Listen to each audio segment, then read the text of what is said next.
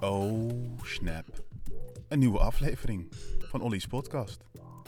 Het is een tijdje geleden. Best lang geleden. Maar we zijn er weer met een nieuwe aflevering van Ollie's podcast. En dit keer is onze gast Laura Polder. Laura geeft les in Amsterdam op het ROC in het vak burgerschap. Dat wil zeggen dat ze studenten voorbereidt op hun loopbaan en op het leven. Ik begin elke les, het zijn met een nieuwsartikel of iets wat leeft, of wat gebeurd is in de maatschappij, of wat bij hun leeft. Dan gaan we gewoon dingen uitzoeken. En het begint vrij klein met nieuws en later dus met het over dromen en over ideeën. En eh, ik vertel ook veel over mezelf, wat ik dan het uitspoken ben. Want ik kom net terug van eh, België, waar ik een soort studiereis heb gedaan. En volgende week ga ik naar Miami. En dan zeggen studenten ook, hoe kunt u dat allemaal doen? En dan nou, leg ik ze echt stap voor stap uit hoe het dan gaat, waar je begint. En omdat ik het vaak in de klas doe, is het een soort wisselwerking. Laura heeft bijzondere verhalen, bijzondere ervaringen. Real talk vanaf minuut 1. Dus ik zou zeggen, eh, let's go. Tim Ferriss. Tim Verf, nou, zijn geluid is ook niet altijd goed hoor. Zijn we er klaar voor? Ja hoor. Ja toch? Let's go. Welkom bij een, nieuwe aflevering van Ollie's podcast. Eh, dit keer live, nou niet live, ja wel live vanuit Amsterdam Volkshotel. Studio van Detroit Twindle. En voor de oplettende luisteraars hebben we ook eh, onze leader gemaakt. Dus shout-out naar Detroit Twindle. Maar eh, genoeg over Detroit Nice. Twindle, want we zitten vandaag weer met een eh, nieuwe docent aan tafel. Haar naam is Laura Polder. Eh, voor zover ik weet geeft zij les op MBO College West in Amsterdam. Mhm. Burgerschap. Ja, ja, ja. Klopt allemaal zo far? Nou, we zijn heel erg blij dat je er bent. Want eh, ik heb zelf al positieve verhalen gehoord van mijn moeder. Ah. Mijn moeder is namelijk volgens mij collega van jou ook Zeker geweest. weten. Ja. En die zei van, nou, als je echt een enthousiaste, jonge, bevlogen docent wil spreken, dan moet je een keer contact opnemen met Laura. Dus dat heb ik Oh, gedaan. En, zo eh, cool, Annelie. Ja, Ja. Heel ja, goed, heel ja. goed. Dat is Ja, ook niet ja, eens. ja, ja. Dus gisteren sprak mijn moeder nog en Oh, die zei van, oh, heb je Laura al gesproken? Heb je Laura al gesproken? Ah. En toen zei ik, nee, nee, maar morgen. Toen zei ze, oh, en ik ken ook nog wel heel veel andere leuke docenten. Dus wie Ah, weet dat ja. mijn moeder gewoon eh, ons allemaal docent gaat wasselen. Dat zou leuk zijn. Nou, je zit er, we zijn er heel blij Ja, mee. Uh, vertellen wie je bent, wat je doet, waar je roots liggen. Je mag alles vertellen. Give it a go. Ah, Oké, ik neem helemaal de ruimte. Ik pak hem.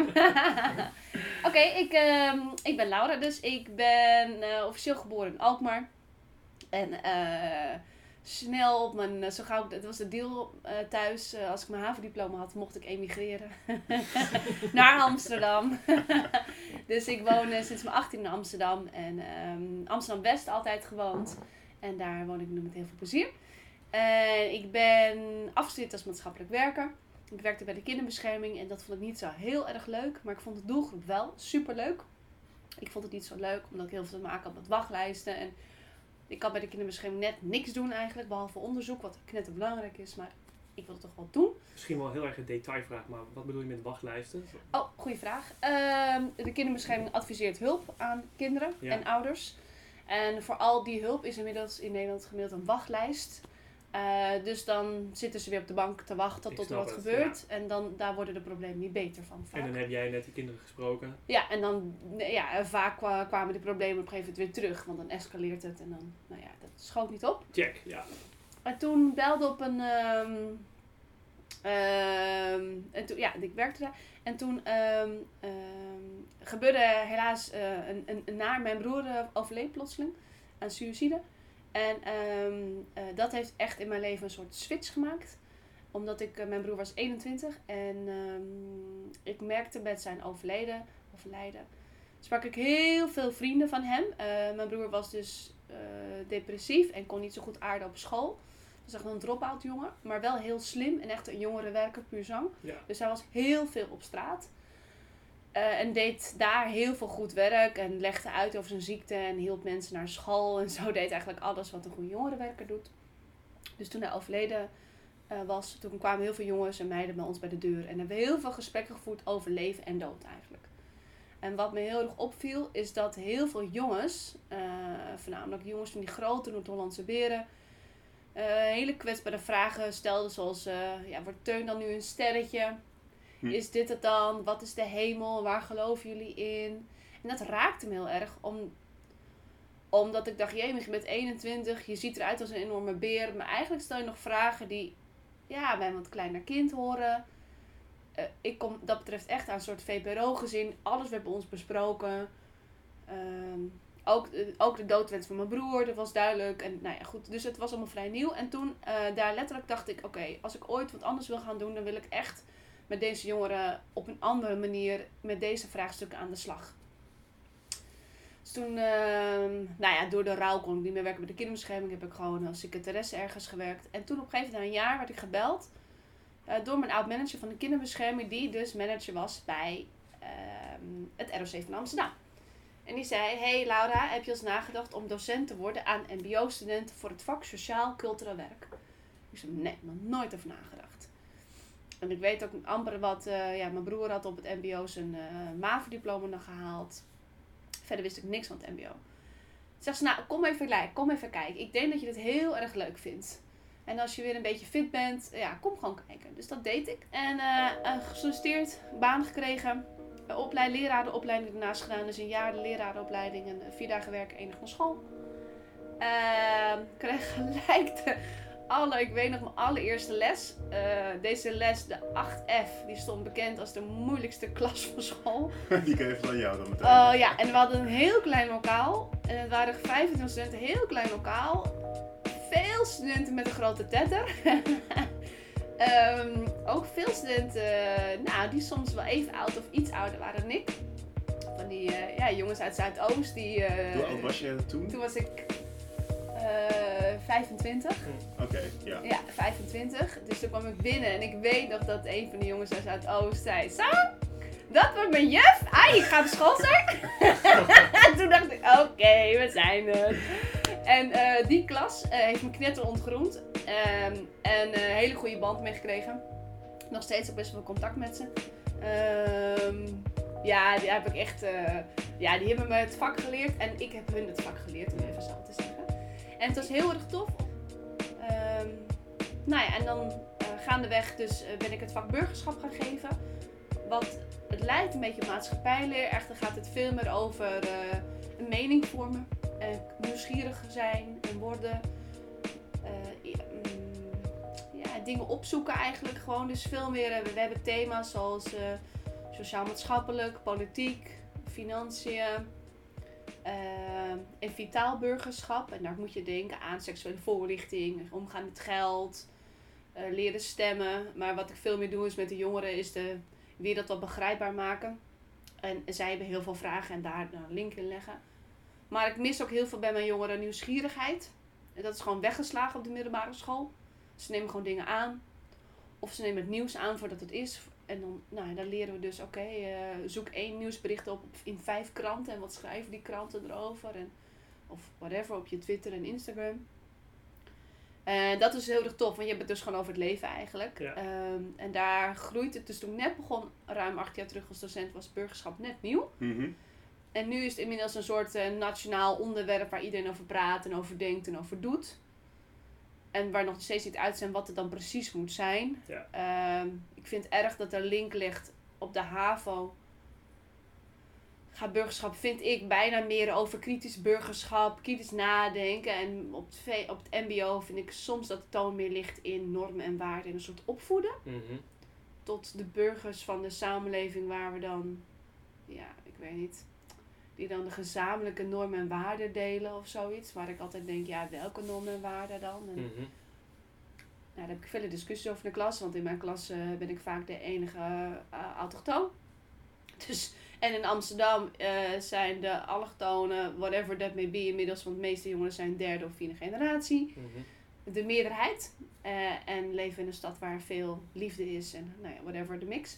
Dus wie bepaalt de normen en wat is een normen en waarde? En is dat dan hetzelfde als in eh, Drachten of in Roosendaal of dan in Amsterdam? Ja. Maar, nou, dat doe ik dus nu acht jaar.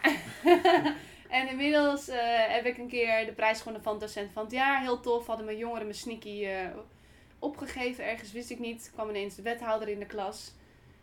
En eh, werk ik niet meer fulltime voor de klas, omdat ik meer voor het MBO wilde doen.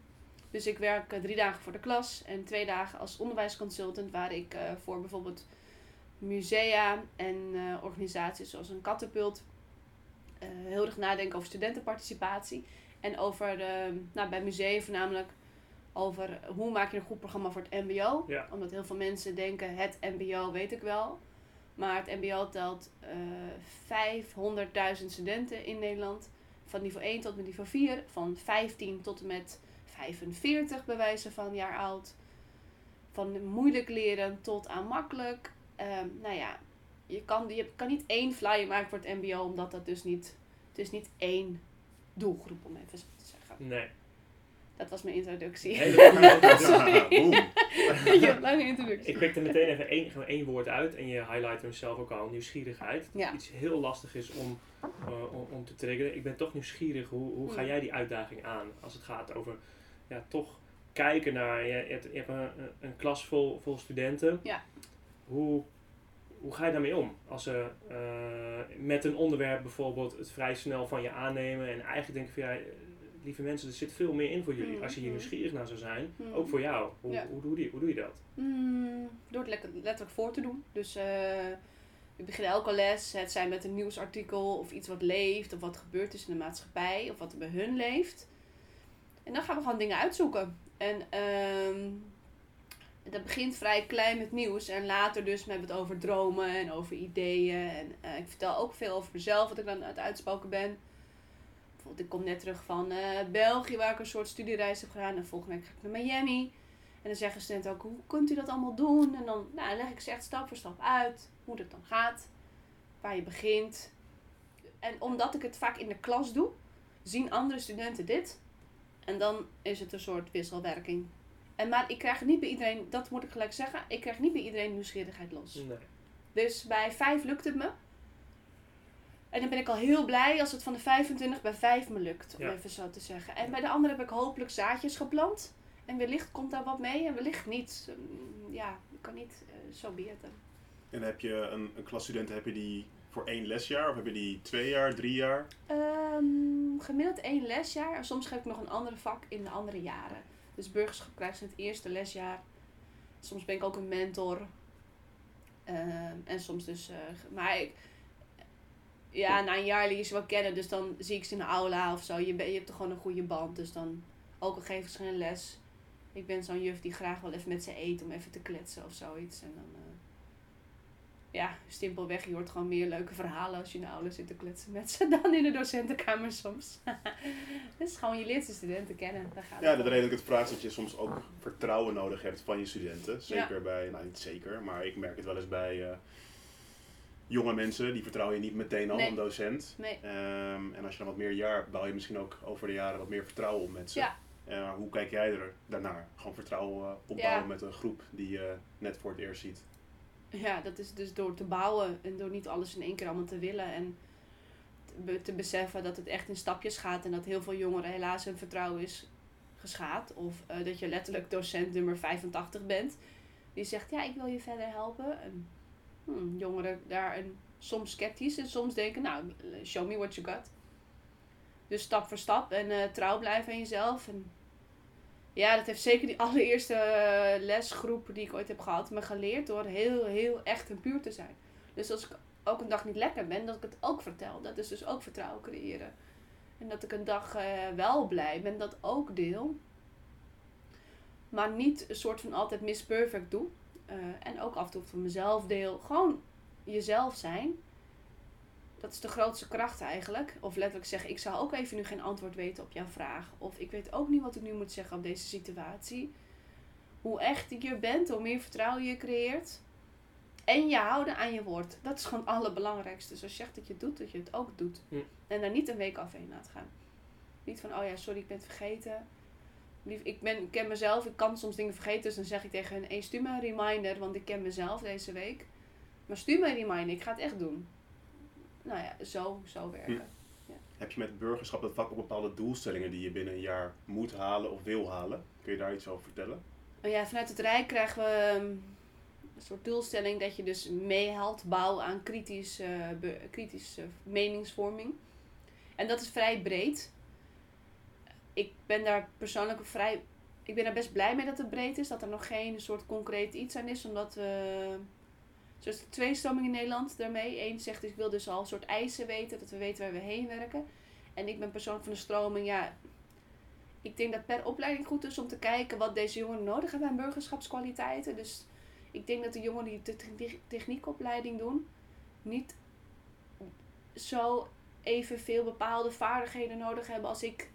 Ik geef les aan jongerenwerkers, dus die moeten bijvoorbeeld voorlichting kunnen geven over bijvoorbeeld seksuele voorlichting, verzin maar wat. Dus Mhm. daar moet je en een mening over hebben, en dat snappen, en een voorlichting over geven, en vertrouwd zijn met het onderwerp. Nou ja, dat zijn best wel wat stappen. Eh, dus dat valt bij ons onder een soort burgerschap. Daar kan je natuurlijk allemaal, er zitten ook allemaal vakken bij. Dus ik ben heel blij dat Rijk ook daar een soort eh, open kaart aan iedereen gegeven van doe het op de manier dat jij denkt dat best past. Maar het geeft voor sommige docenten en scholen ook een soort van. Het is ook een soort lastig, want alles kan dus. Dus wat kan je, waar ga je uit kiezen? En daar moet je visie op hebben. En, dat, en die visievorming is knetterlastig. En daar moet je veel over praten met elkaar en, veel tijd in investeren. En, en naast elkaar zijn als docent. En dat missen heel veel scholen, omdat we gewoon geen tijd hebben en gewoon in de baan van de dag liggen. Eh, dus met die visievorming begint alles, maar daar moet je wel tijd voor willen maken en, en, en, en daaraan houden. En als de leerlingen vragen van juf, eh, waarom hebben we dit vak eigenlijk? Hm. Wat, wat gaan we nou precies leren hier? Ja, Wat, wat zeg je dan? goede vraag. ah, dan zeg ik dat we ehm, dat het hebben over, over de wereld en dat we gaan leren begrijpen en er zelf daar een mening in te vormen. Omdat je straks bijvoorbeeld mag stemmen of dat je überhaupt volwassener wordt en een huis gaat krijgen en misschien wel een gezin. Dat wel handig is dat je weet waar je aan begint. Eh, dus dat je het een beetje snapt en dat je daar een mening over hebt. En dat je dus ook onderdeel bent van deze maatschappij. Dus dat het niet allemaal over je heen komt en dat je daar wat in mag betekenen. En dat jouw mening ook telt. En dat is denk ik de laatste, zeker bij de eh, niet-westerse allochtonen, is nog wel lastige. Dat jouw mening ook telt. Dat je er ook bij mag horen. Eh, ja, dat is een... eh, nou, ze noemen zichzelf ook allochtoon. En ook... ja, we weten toch hoe het zit. Terwijl ik denk... Ja, als je dus met die mindset al, al in de maatschappij stapt... En gaat stemmen bijvoorbeeld, of whatever ja, ik wil ze wat emanciperen. Ja, het is gewoon een, een grote emancipatieslag. Eh, waar ik soms iets te optimistisch ben, iets optimistischer ben dan de studenten, maar het is ook gewoon leren en doen. Ja. En door dit soort ervaringen, zoals een meisje die dus belt en terugkomt in de klas en zegt: Hé, hey, er werd naar me geluisterd en ik kreeg een uitleg en ik snap het nu. En nu kan ik, nou, nu vallen er gewoon heel veel kwartjes. Dat, dat heb ik nodig in de klas, want dan gebeurt er een hele hoop. Eh, bij je intro vertelde je ook, eh, en dit is mijn interpretatie hoor, dus correct me if I'm wrong, maar dat eh, je bent onderwijs ingerold deels gebaseerd vanuit een, een ideaal, echt wel Ja. misschien wel een missie. Ja. Heb je het idee dat in die afgelopen acht jaar die missie is veranderd? is wel een dingetje. Want misschien zit er een student in die homoseksueel is en ook een rolmodel zoekt. Ehm, en dat nogmaals hoef je niet te, pe- te- per se te bespreken, maar omdat het een soort van we spreken er niet over. Dus we weten het allemaal wel een beetje van de banden hangen, blijft het een soort van dit. Nou ja, daar gaat visievorming voor mij ook over. Wat vinden we daarvan? Dus Ja. ik ben vrij open over de suïcide van mijn broer. Dat, maar, maar ik weet dat meerdere, ja, 1500 mensen per jaar lukt het. 10.000 mensen doen het. Dus iedereen kent wel iemand die iemand is overleden aan suïcide. Echter ben ik wel op school van... eh, ik heb vaak gehoord, ja, Lau, kan jij met die studenten even praten? Want eh, ja, jij hebt daar ervaring mee. Mhm. Wat ik allemaal niet erg vind, maar... Zo ik denk, dat hebben we allemaal, denk ik. Als we, en überhaupt over de dood. Het gaat vaak niet over suïcide, maar gewoon over leven en dood. En over, ik weet het niet meer, of whatever. Gewoon eh, pra- praten met, met elkaar. Ja. Maar in, in, dat soort onderwerpen, Mhm.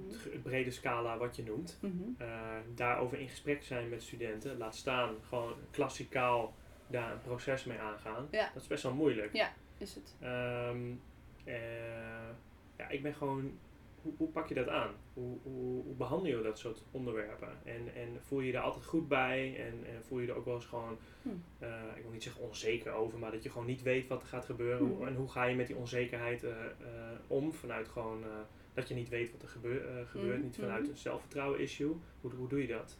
Voor zover je dat in algemeenheid kan Goeie vraag. toelichten. Ehm, nou, die onzekerheid door het altijd te bespreken. Door ook gewoon te zeggen, ik weet even nu niet jongens. Of hé, ik voel Ja. dat hier wat leeft. Wat moeten we daarmee doen? Dit voelt niet heel chill. Dat. Ehm, gevoelige onderwerpen. Eh, dat bouw ik wel op, dat doe ik dus niet les 1 al gelijk. Nee. Ehm, we hebben bijvoorbeeld periode 4 hebben we dus over liefde, alcohol, drugs, ehm, depressie.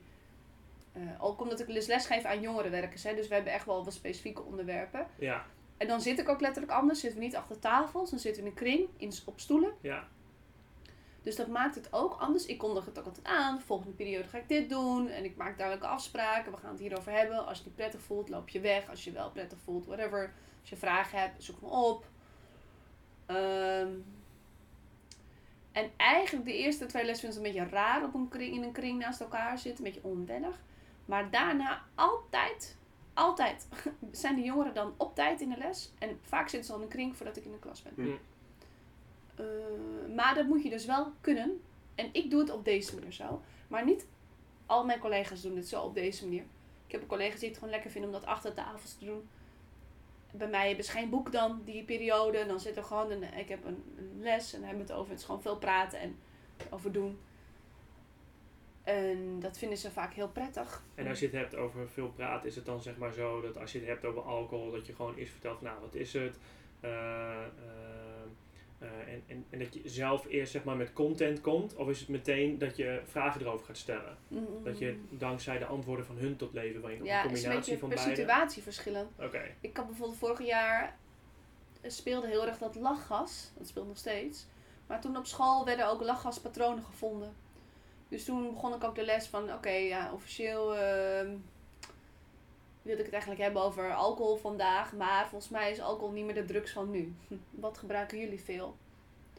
En dan is het eerst van, eh, we gebruiken niks. En nee, oké, dat kunnen we natuurlijk allemaal volhouden. Maar er zijn niet op school dingen gevonden. We zijn allemaal jong. Oké, als jij niet gebruikt, wat gebruikt je vriendinnetje of vriendinnetje? Weet je, een Ja, ja. derde persoon gaan praten. En dan komen ook dingen los en dan erover praten. Soms dan ook collega's uit natuurlijk van de Jelinek of van COC. Eh, maar we hebben, ja, dus dat zijn bij gevoelige onderwerpen, dus dan bouw ik dat zo op. Ehm, en de eerste les doe ik ook een soort eh, over de streep-achtig iets. Niet hele zware onderwerpen, maar meer van we gaan het over bepaalde dingen hebben. Ehm, ik wil je met deze over de streep een soort indicatie geven waar we het over gaan hebben. Van nou, wie heeft wel eens gestemd, wiens ouders zijn gescheiden, wie heeft er een soort mixgezin. Ehm, wie weet wat hij eh, nu op zijn bankrekening heeft staan. Nou ja, allemaal dat soort dingen. Dus dan komt er al een soort van ehm, sfeer Ja. eigenlijk. En daarmee komen ook vragen los. En dan hebben de jongeren ook een idee, oké, dit gaan we dus doen.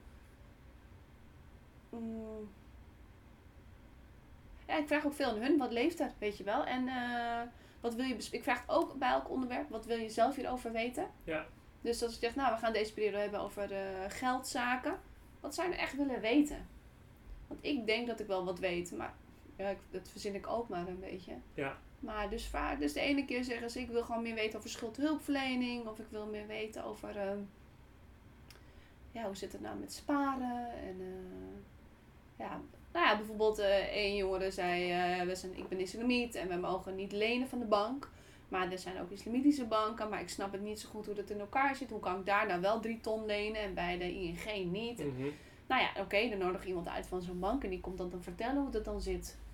Dus eh, zo doe ik dat. Ja, zo leer je zelf ook nog zo. Ja, ja, zeker weten. En eh, je vertelde ook dat je met enige regelmaat in het buitenland komt. Ja, Heb je het idee dat het eh, vak burgerschap in het buitenland op diezelfde manier ook gegeven wordt? Bestaat het überhaupt?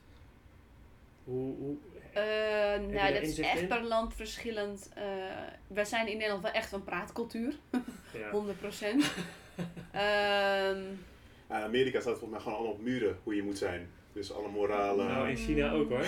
be Ja. successful, dat weet Oh, niet, ja. want ik ben failure is never an option, allemaal dat soort dingen. Ja, ja dat, dat wel. Ik ben in Amerika op meerdere scholen geweest, voornamelijk in die eh, de krachtwijken. Waar ze dus ehm, heel veel doen met meditatie, vanaf met kleuters ook al. Ik, ik was, daar vond ik heel interessant hoe dat werkt. Er was één, toen dacht ik, ja, dit zouden we ook mee moeten doen.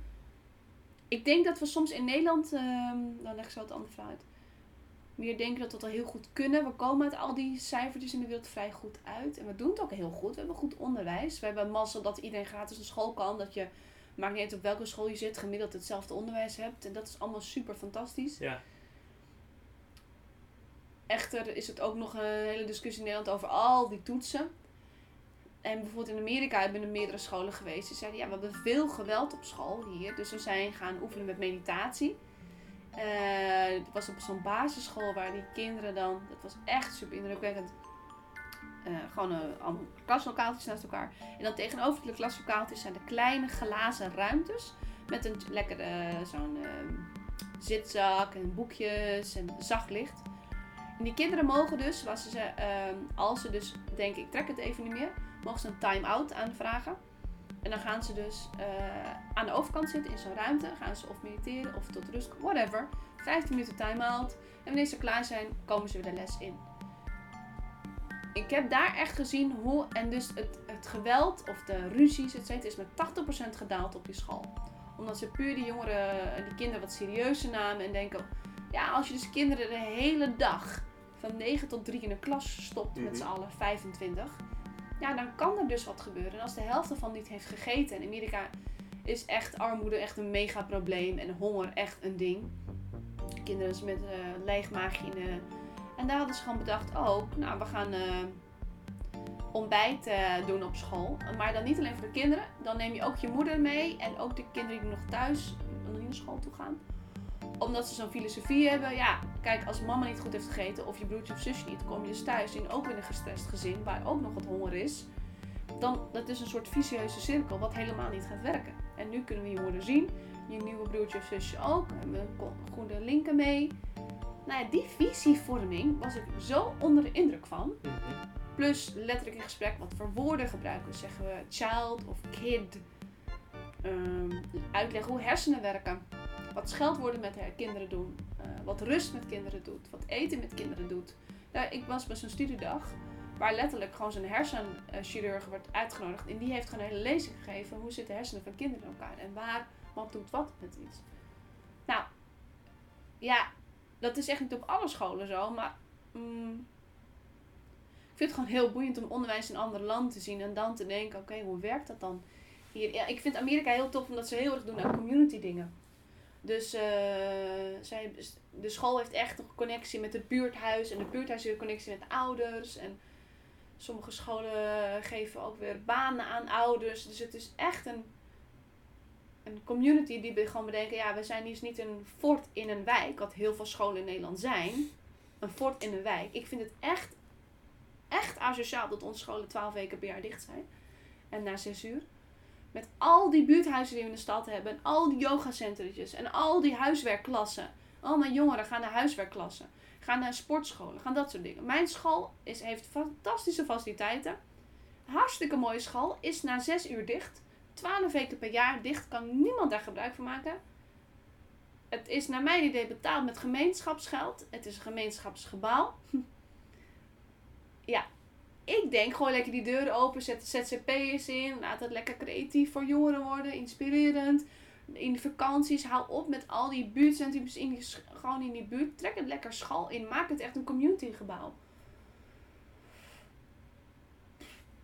Ja, ik heb redelijk wel... een sidequest van je missie eh, is dat geworden. Nou, ook Nou. als je het over visie wel, toch? Van hoe je het eigenlijk voor je ziet. Nou ja, het is, MBO ja. heb ik er echt wel een idee over. Ik snap niet waarom het MBO, waarom ik aan tafel zit die door een eh, IKEA worden gemaakt, terwijl wij meubelmakers opleiden. Ik snap niet waarom ik eten eet van een of ander duur cateringbureau, als wij koks en eh, eh, bakkers opleiden.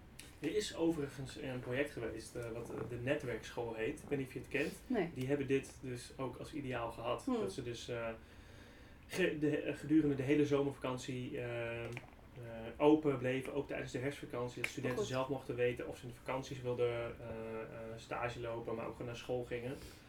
Dus dat, dat is ooit geweest. Ja. Ik vraag me af hoe goed het is afgelopen destijds. Ik Ja. weet niet of, of, of, eh, of het onderwijs daar toen eh, klaar voor was, maar het is dus wel mogelijk. ja, natuurlijk is het mogelijk, maar je moet het willen en durven en geld in stoppen. En 100% committed zijn, want dat was het hele issue daar. Als ik zo vrij mag zijn om in ieder geval aan te geven waarom dat niet lukte. Nou, met die catering zeggen ze steeds, het is niet te doen met die school. Want die cateraars hebben ook hun lessen. Terwijl ik denk, ja, dit kan gewoon een stageplek zijn. Ik, ik wil gewoon niet van cateraars iets eten. Ik wil van mijn jongeren iets eten. Ja, Ik vind het veel inspirerender. Ik zie niks van het werk wat we doen. We hebben 4000 jongeren. die ook bijvoorbeeld leren om crashmedewerker te worden. Ik denk, gooi gewoon een crash in school. We hebben 4000 jongeren en 150 medewerkers. Ik zou het heel tof vinden om mijn kinderen op de crash te hebben op mijn school. Waar ik tussendoor nog even 4000. Dat is echt best wel een massa, weet je. Plus we zitten in een wijk. Waar sommige mensen kunnen denken, hoe het mbo, hoe spannend, spannend. Ja, gooi het open en dan wordt daar één in. Maar ik ben daar nog een beetje een... eh, Strijdbaar je wel, ja. ja, maar mijn visie, eh, ik moet hem, nou ja, dat is dus een moeilijke visie, omdat eh, dat, is, dat, dat is gewoon, Korte vraag, maar zou je ooit nog de overstap maken van docent naar meer directeur-achtig iemand die daar invloed op heeft? ja, nou dat is dus mijn droom, om die kant op te gaan. Ehm, eh, om, om dus inderdaad, ik zou heel graag zo'n school willen starten waar we, of niet willen starten per se, maar invloed willen uiten op zo'n school om dat te kunnen. Eh, maar dat kost tijd en politiek eh, moves en ehm, In het mbo wel. Ja. Ja. Ja, dus dat, dat, dat ja, stapje bij beetje hoop ik daarbij te komen. Ja, ik, Ja, ik hoop er ooit gewoon te komen klaar. Dus ik, ik- ja, dat ooit ga ik, daar- gaat het maar lukken. Ja. En je hebt nu ook al, of je- je bouwt nu ook met tenminste al ervaring op om gewoon collega's te coachen, toch? Ja. Ja. Ja. Ja, zeker. En gewoon überhaupt met elkaar het gesprek aan gaan. Hoe bedoel je Dat-? Je bouwt ervaring Nou ja, op omdat, eh, eh, eh, omdat je aangaf dat je dus ook al eh, eh, op sommige momenten onderwijsadvies geeft. Ja. Dus ik zou me kunnen voorstellen dat je soms ook met de docenten in gesprek gaat van hey, hoe, hoe werkt ja, het op bij jullie? studiedagen bijvoorbeeld doen we dat. Ja. Ja, zeker weten. Breng me trouwens bij een vraag. Ja. Heb je het idee dat, eh, eh, en misschien is het wel weer een heel erg bevoordeelde vraag, maar daarvoor is het een vraag. Ehm, eh, dat in het management, of in het management, maar veel managers, dat ze soms nog wel eens advies geven en ho- hoe docenten les zouden kunnen geven. Of hoe, vraag me nog wel eens af of dat nog wel eens gebeurt. Want je bent dan manager en heb je, weet ik veel, tussen, tussen de 5 en 30 docenten onder je. En komt het nog voor dat managers gewoon ook met docenten in gesprek zijn over hoe geef je eigenlijk les? En waarom is dat wel zo en waarom niet? Waarom Ja, is per school echt verschillend. Bij mij niet. Die zou je dat willen? Denk je dat, vind je dat het onderdeel is? Ja, ja. Nou ja, ik geef acht jaar les. Ik heb nog no- en elk jaar heb ik een functioneringsgesprek. Ik heb nog nooit een manager in mijn klas gehad. Dus elk jaar zeg ik, hoe kom je aan deze resultaten? Ja. Ehm, maar het, ik zou het willen en ik denk de managers ook. Maar goed, mijn manager heeft 60 mensen onder zich. En die heeft dus andere prioriteiten. Ja, Dus dan wordt er een coach ingehuurd die dat dan wel weer doet. Of Oh, moeten ja. bij elkaar dat dan doen. Dat is nog het allerleukste, de peer-to-peer eigenlijk. ja, Dat je gewoon van elkaar kan leren. Er zijn ook scholen in Nederland en in de wereld die gewoon elke vrijdagmiddag vrijmaken. En dan moet je wat filmen en dan ga je dan delen. Of je moet een casus inbrengen, intervisie. ja. En zie je dan dat je eh, eerst manager wordt en dan directeur? Of hoeft dat niet van jou? Eh, ik hoef geen manager te worden. Ik zou misschien programma manager willen worden. Dus Mhm. veel meer dat je gaat nadenken over welke programma's Ja, dit, gebeuren ja. in school. Eh, en ik weet ook niet of per se mm, de grote directeur willen worden of gewoon een soort nummer twee die daarin. Want de grote directeur gaat ook over geld en over gebouwen en over. oh, ik wil gewoon Catering, visie- ja, gaat die catering. ook over? Dat wil je Ja, wel, ik wil gewoon visievorming. visievorming wil ik gewoon. Dus ehm, Dus de directeur onderwijs. ja, directeur onderwijs Ja. wat willen doen. Ja, zeker weten. Eh, Dit jaar, dit schooljaar misschien? Even Je nadenken. maakt ons Zoveel vraag altijd iets makkelijker. Ja. Eh, ik heb heel veel met jongeren aan projecten meegedaan. En ehm, dus soms doe ik burgerschap in de les en soms doe ik het dus uit de klas. Waar bijvoorbeeld voor het Van Gogh Museum moesten we een onderzoek doen naar hoe, hoe het Van Gogh meer jongeren in, de, eh, in het museum kon krijgen. Hoor je dat, Jut? Eh, dat is heel tof om dat te doen. Oké. Je snapt de, de joke natuurlijk Nee, niet, eh, nee. Je, volgt- je, je hebt toch ook iets met het Van Gogh Museum? Ja, ik ga er donderdag heen naar Martin van Engel. Misschien Oh, dat je hem ja, ja, ja, zeker weten, zeker ja. weten. Hij gaat Oh, er iets leuk. over vertellen. Dus Oh, leuk. Ja. Oh, nou, doe de groeten. Goeie gast. En. Eh, dat vond ik heel leuk om te doen. En eh, we hebben eh, meegedaan met een project van Hart van de Buurt. Dat was vorig jaar alweer, alweer van Bos Films. Het is een, heel, heel- een productiehuis wat heel veel maatschappelijke verantwoorde films maakt. En Bernie Bos, toch? Of niet? Nee. Oh, Nee. nevermind. Andere bos. Nee. Ehm, en, en die hadden dus Hart van de Buurt. En dan moesten jongeren in de buurt onderzoek doen naar wie is nou belangrijk in uw buurt. En wat, wat doet diegene dan? En, en, eh, en wat, voor wie heeft u een groot hart, om even zo te zeggen. En dan moesten ze dus interviews doen. En, en eh, er zijn kleine shots van gemaakt. Dus ook op AT5 geweest. Mooie foto's van gemaakt. En dat ging dus in de, in de grote OBA naar Centraal. Eh, en dus om te beginnen met zo'n klein project in een klas waar jongeren zeiden: Oh, juf, moeten we echt wat gaan doen? Heeft u weer een projectje? Dat wordt inmiddels wel vaak gezegd: Heeft u weer een projectje wat we weer moeten doen? En tot we in de, muzie- tot we in de OBA stonden en eh, de, ja, de hele theaterzaal zat vol. En jongeren echt super trots op hun werk. Ja, dat vond ik gewoon heel tof. Vet. Ja, maar ook gewoon hele kleine lesjes waar je dus met zo'n meid die dus erachter komt waarom zij dus naar Groningen moest. Ja, en voor haar dus heel veel, ik weet maar een klein beetje, maar ik zag in haar ogen dus zoveel dingen vielen op haar plek, op zijn plek. En dat stimuleerde haar ook om dus meer te bellen, om meer te vragen. Ja, dat is gewoon kroon op je werk. Dat je gewoon denkt, cool, jij, gaat er, wel- jij hebt het gewoon gevoeld nu. Je gaat hem pakken, dat komt helemaal goed. Ja. En kost het je veel energie? Nee, helemaal niet. Dat soort dingen helemaal niet. Nee, nee, helemaal niet. Ik, ik, soms vind ik het wel. eh dan zit ik op een avond weer bij een debat bij jongeren en denk, oh god, weer een vrije avond. Ja. Maar dan zie je hun En ga je dan of word je dan gevraagd? Ja, allebei. Allebei komt voor. Ja. En bijna altijd, als ik soms ergens word gevraagd om met het debat mee te doen, neem ik Mhm. ook altijd jongeren mee. Ja. En maar dan bijvoorbeeld hun, heel veel jongeren zijn nooit in een badhuis, debathuis geweest, in bepaalde musea. Dus bijvoorbeeld bij zo'n Van Gogh, als een soort, een soort speciale, op een speciale manier naar binnen mogen. Of bij het Anne Frank, dan mogen ze niet door de voordeur, maar door de zijdeur, omdat dat Mhm. dan kan. Of bij het debat liggen dan een, eh, rij met gereserveerd. En dat is dan speciaal voor hun. Die vibe van er is, wij tellen ook mee, wij mogen ook dingen doen. Ik mag hier gewoon zitten en ik heb een kaartje ik een gratis drankje mag na. Nou, die dingen, Mhm. die twinkel, dat is zo, zo'n cadeau. Dat, dat kost me nul energie, maar zo'n cadeau. Dus als ze dan heel stoer in de, in de bars of te snappen, dat ze dan een drankje hebben en dat soort dingen, weet je wel. Eh, het is echt top, want je weet gewoon, oké, dit gaat leven. Jij hebt ontdekt dat je in de balie mag zijn, dat je er een plek hebt. Ehm, dat mensen gewoon je gewoon luisteren. En dat hoort niet alleen bij allochtoonse jongeren, maar gewoon bij alle jongeren aan zich. Gewoon, hé, ik hoor er gewoon bij. Hé, ik heb gewoon een rol. En heel veel jongeren van het mbo helaas hebben niet ouders die ze dus uit huis meenemen en dingen doen. Met jongeren naar het strand. Echt, de helft is nooit naar het strand geweest. Gewoon picknick op het strand. Het is gewoon fantastisch. Ja, het is gewoon heel grappig. Maar ja, het kost me niks. Maar het levert gewoon heel veel op. Dus gewoon even het extraatje. Maar dat doet niet... Dat moet je wel willen. Maar je kan die extraatjes ook in de klas, dat wil ik echt even attenderen. Die kan je ook in de klas geven door elkaar gewoon te zien. Door op te letten van... Hé, hey, wat zie je er fris uit vandaag? Of... ehm hey, ik eh, moest er even nadenken over wat je vorige week zei. Je hoeft niet met ze naar debatten of je hoeft niet allemaal gekke dingen uit. Dat doe ik omdat ik dat gewoon heel leuk vind. Maar in de klas jongeren zien, dat is echt een cadeau wat je ze kan geven. Ehm, zien of iemand nog wat nodig heeft. Zien of iemand nog een extra...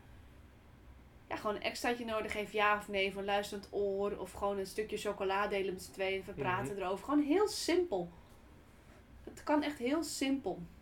Eh, maar elkaar zien, dat is gewoon wat je moet doen als docent. Ja, klinkt soms wel dat als eh, school voor jou gewoon de beste plek is om gewoon de jongeren zeg maar te zien. Maar dat het niet per se alleen maar gaat over de school, maar het is Nee. gewoon beyond dat.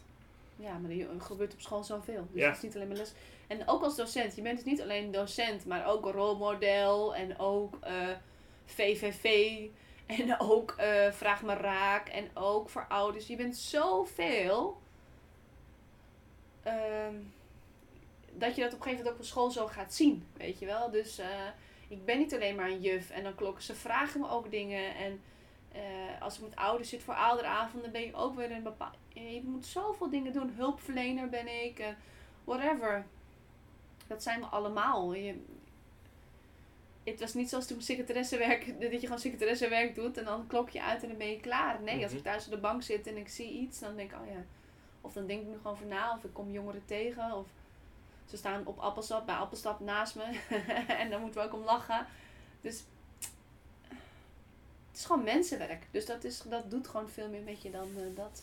Ja. En eerder moest ik ook nog denken aan. ehm, ik weet niet precies wat de aanleiding was, maar je hebt natuurlijk ook wel verschillende generaties docenten nu bewerkt. Ja, zeker. En je hebt misschien docenten in je ouderteam, maar die misschien eh, niet naar een debatclub gaan. Ja. En ik kan me voorstellen dat die gewoon toch wel anders in hun vak staan.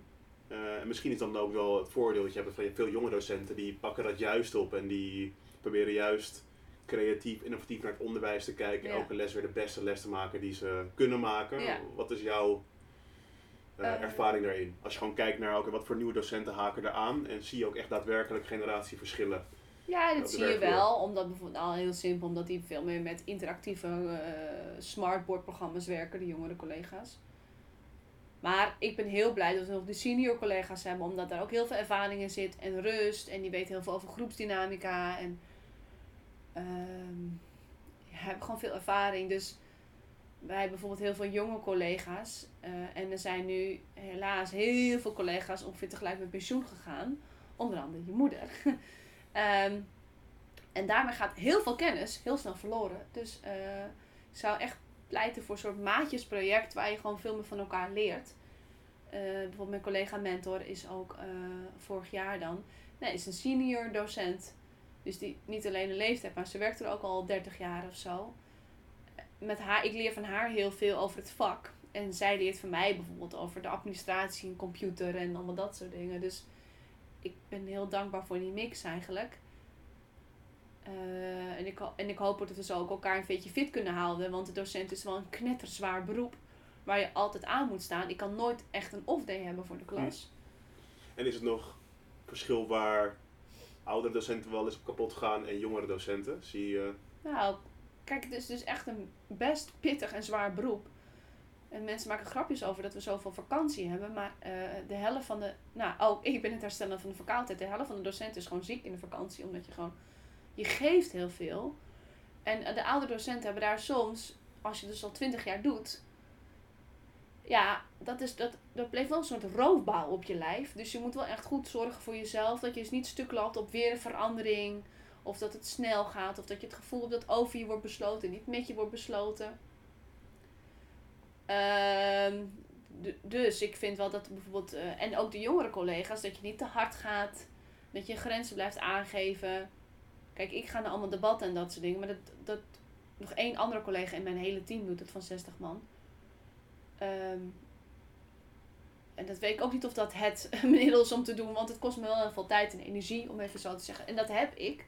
Eh, maar dat moet je echt niet doen. Dus veel met elkaar praten over, voor elkaar zorgen. Ja, Ik zou bijvoorbeeld willen... eh, vroeger op de op basisschool had ik een meisje en die mocht van haar ouders baaldagen opnemen. Twee baaldagen. In plaats van dat je ziek bent, dat je gewoon denkt, vandaag trek ik het gewoon even niet. En dat hebben we, die cultuur hebben wij niet in het onderwijs. Omdat het, nou helemaal niet bijvoorbeeld basisonderwijs. Voor die collega's buig ik. Maar altijd maar door moeten gaan. En je moet gewoon, ik, als ik namelijk een rotbui heb, dan heb ik alleen maar mezelf ermee in de klas. Want dan sta ik over naar die jongeren en die jongeren nemen dat op. En het- je wil echt geen 25 rotjongeren hebben in een rotbui. Die wil je echt niet hebben, want dat is niet te doen. Dus je moet altijd een soort actrice. Je moet altijd een beetje leuk doen. Je kan wel eens niet zo fit zijn, maar zoals de secretaresse kon ik gewoon wel eens een dag denken, ja, vandaag even niet. En dan zat ik gewoon heel stil achter mijn computer en deed ik even gewoon, gewoon chill. Dat kan niet als docent. Hm. Dus voor elkaar zorgen, dat moet je dus echt van elkaar leren. En doen. Clear. Ja. En ehm, jij spreekt zelf wel eh, hier, ik heb ook wel eens een ander interview van je gezien over rolmodellen. ja, ja, heel belangrijk. Voel je hem natuurlijk aankomen. Heb jij en had jij zelf ook rolmodellen? En wie, zijn- wie, wie zijn dat dan? Zover je dat ter plekke weet. Eh, Ja. En als je het niet weet, kan ik jullie altijd de vraag nog wat makkelijker voor je maken. Ja, deze is wel lastig. om te- Vind je iemand heel aardig? Ja. ja, ja. Eh, nou, ik vind mijn moeder zelf een rolmodel. Zij is eh, ehm, van de generatie die als meisje niet mocht studeren, want je bent een meisje, dus doe eerst maar de HAVO. En heeft haar HBO-studie gedaan toen wij op de basisschool zaten. Dus ik ben de eerste in mijn generatie. Mijn moeder was ook echt heel keen. Ja, gaat echt. Je bent, ik ben de oudste do- kleindochter en de oudste dochter ook in het gezin. Jij gaat echt. Jij gaat naar school. Jij gaat een diploma halen. En jij bent gewoon emancipatie tot de max. Ehm, eh, en daar heb ik nog steeds. En zij blijft leren en groeien en ontdekken. Ehm, ik heb een, eh, een goede vriendin, Kirsten van der Hul. Zij is Tweede Kamerlid voor de PvdA. Doet heel veel voor ja, emancipatie, ook voor jongeren en vrouwen en whatever. Eh, heel leuk, ja, heb ik echt een rolmodel. Nelly Kroes vind ik echt een rolmodel. Ja. Eh, wat zij doet. Maar niet alleen vrouwen natuurlijk, ook kijk naar mannen op. Ehm, dat, ja, dat kan ook weer heel verschillend zijn. Van mannen in de politiek tot aan die gewoon de eigenlijk buig ik ook voor hun heel erg wat zij allemaal doen. Gewoon met. Eh, in Amsterdam West is er, eh, zijn er diverse jongens die bijvoorbeeld een bokschool hebben gecombineerd. Of een kickbokschool met, met, huiswerkklassen bijvoorbeeld. Mhm. Dat ik gewoon denk, wauw man, wat jij doet voor de buurt onder andere. En Jerry Afrié, wat hij nu doet voor de Zwarte Piet eh, beweging nou ja. Genoeg. En die, eh, wat ik belangrijk vind, is dat ik het ook in de klas bespreek. Omdat heel veel jongeren dus uh, rolmodellen missen. Of niet zo goed weten wat rolmodellen zijn. En zeker rolmodellen die op hun lijken. Dan moet je Martin van Engel even vragen, die nu eh, een groot artikel heeft. Ehm, zeker jongeren van kleur missen een rolmodel. Omdat ze zeggen, ik zie mezelf niet in de magazine. Ik zie mezelf niet op tv. Ik zie mezelf niet... Dus dan veel jongeren betrek ik, of rolmodellen nodig ik uit. Of ik vraag ze om rolmodellen op te zoeken noem dat changemakers, doen we een heel programma mee. Van eh, wie zijn nou die grote helden? En over wie, wie spreekt. Ja. En veel jongeren weten dus niet, want wie zijn de helden in Marokko, in Turkije? En gaat verder dan Atatürk en dan uh, de koning, weet je wel? Wie, wie heeft, hoe zit dat dan met wiskunde daar en sterrenkunde? En. Eh? We zijn een keer bij jou op MBO College best geweest, ook mhm. met twee gasten, Ricky en uh, Hoesman. Ja, en het was voor heel leuk, want dat waren twee gasten van in de twintig. En Hoesman heeft wel een mooi verhaal, want die heeft ooit LBO gedaan, heeft okay. toen nog. En eh, toen die koninklijke weg gemaakt van LBO. MBO, HBO versneld gedaan. En eh, nu heeft hij net eh, zijn... Universitaire? Opleiding, wow. als nu architect heeft hij afgerond. Ja. En hij ging toen daar iets over vertellen aan een groep, vooral meiden ook, die voor mij verloskunde deden. Ja. Ja, en dat was heel leuk om te zien hoe zij dat aanpakten. Ja. Leuk. we hadden toen een initiatief, dat heette Student Speakers. Waarbij we eigenlijk zochten ook naar studenten die vaak een mbo-opleiding hadden afgerond en toch al wel succesvol waren. En die dan elke keer koppelen aan, ja, eh, als spreker eigenlijk vragen voor uh, studentgroepen zoals in West. Heel leuk. Dat pakte wel heel goed uit. Nou, daar is veel behoefte aan. Daar zou ik echt veel meer nog meer willen gaan doen. Veel meer soort college tours met rolmodellen. En dan gewoon lekker laagdrempelig en... Eh, het vraag maar raak doen, omdat dat gewoon wordt gemist. Ja, ja, daar zijn ook wel voorstander van. Nice. Maar ik kom een beetje bij het einde van het interview, hè? Ja, dus dan eh, een paar terugkerende vragen. Okay. Onmisbaar voor mij als docent is. Mijn studenten. Volgende vraag. Op het moment dat jouw studenten een diploma hebben gehaald, wat voor cadeautje geef je ze dan mee? Ehm, en, een persoonlijk kaartje geef ik altijd. Eh, soms ook nog foto's van ze. En een hele, hele, hele dikke knuffel. Nice. Ja. Allemaal krijgt ze een knuffel van mevrouw Polder. Ja, zeker weten. ja. ja. Ook de jongens die het uh, haram vinden. Ligt aan hun, ligt aan hun, ligt aan hun. Ja, ja. Of gewoon een hele goede handshake, dat kan ook. Ja, ja, ja. Ja. grappig uh, over haram gesproken. Ik ben er ook wel een beetje voorzichtig mee, maar ik was laatst, was vorig jaar, was ik dus bij uh, een of andere meeting waar ook heel veel uh, mensen waren. Nou, daar komt het maar niet zoveel uit. Het gaat vooral omdat er dus een meisje ook was met een hoofddoek. En die uh, zei gedag tegen een jongen die heel enthousiast was en die gaf hem meteen drie zoenen. Oh, ja. En die jongen die had helemaal niet door dat het Ja. misschien ongepast was. En je zag het meisje echt helemaal flabbergasted. Wow, wat is er net gebeurd? ja. Maar dat is een side note. Oké, eh, ze krijgen voor jou een knuffel, Kaart, kaartje en eh, soms een foto. Ja. En ehm, als je een speech mag geven, à la Steve Jobs en eh, Oh God, noem maar op, wat, wat zou je dan in een afscheidsspeech aan hem vertellen? Dat je moet durven vragen. eh, dat je altijd moet blijven dromen en nieuwsgierig moet blijven. En eh, dat geen droom te groot is. En dan, en dan, dan zou ik refereren aan de dingen die we in les hebben besproken. Bijvoorbeeld, eh, denk aan die en die die dit en dit heeft gedaan, et cetera. Ehm, dat ze vooral terug moeten komen en vertellen hoe het met ze gaat. Vind ik ook leuk. Ja, wees dat rolmodel wat je voor anderen wil zijn. Zoiets. Ja. Be the change you want to be. Want to see in the world. Ja. Nice. Ja. Ja. Einde van Ollie's podcast met onze gast Laura Polder. Nogmaals dank dat je hier wilde zijn. Hallo. Je hebt nu herfstvakantie. Ja. Maar gaat de vakantie nu echt beginnen of niet? Ah, Oh nee, het is dinsdag al, hè? Ja, ik moet met een scriptie voor mijn studie aan schrijven. Dus nee. Oh. nee, nog lang niet. maar goed, soort van. Soort van. Niet meer voor de klas. Kan ik gewoon thuis achter het bureau doen. Thanks. Succes. Dankjewel. Dat is leuk.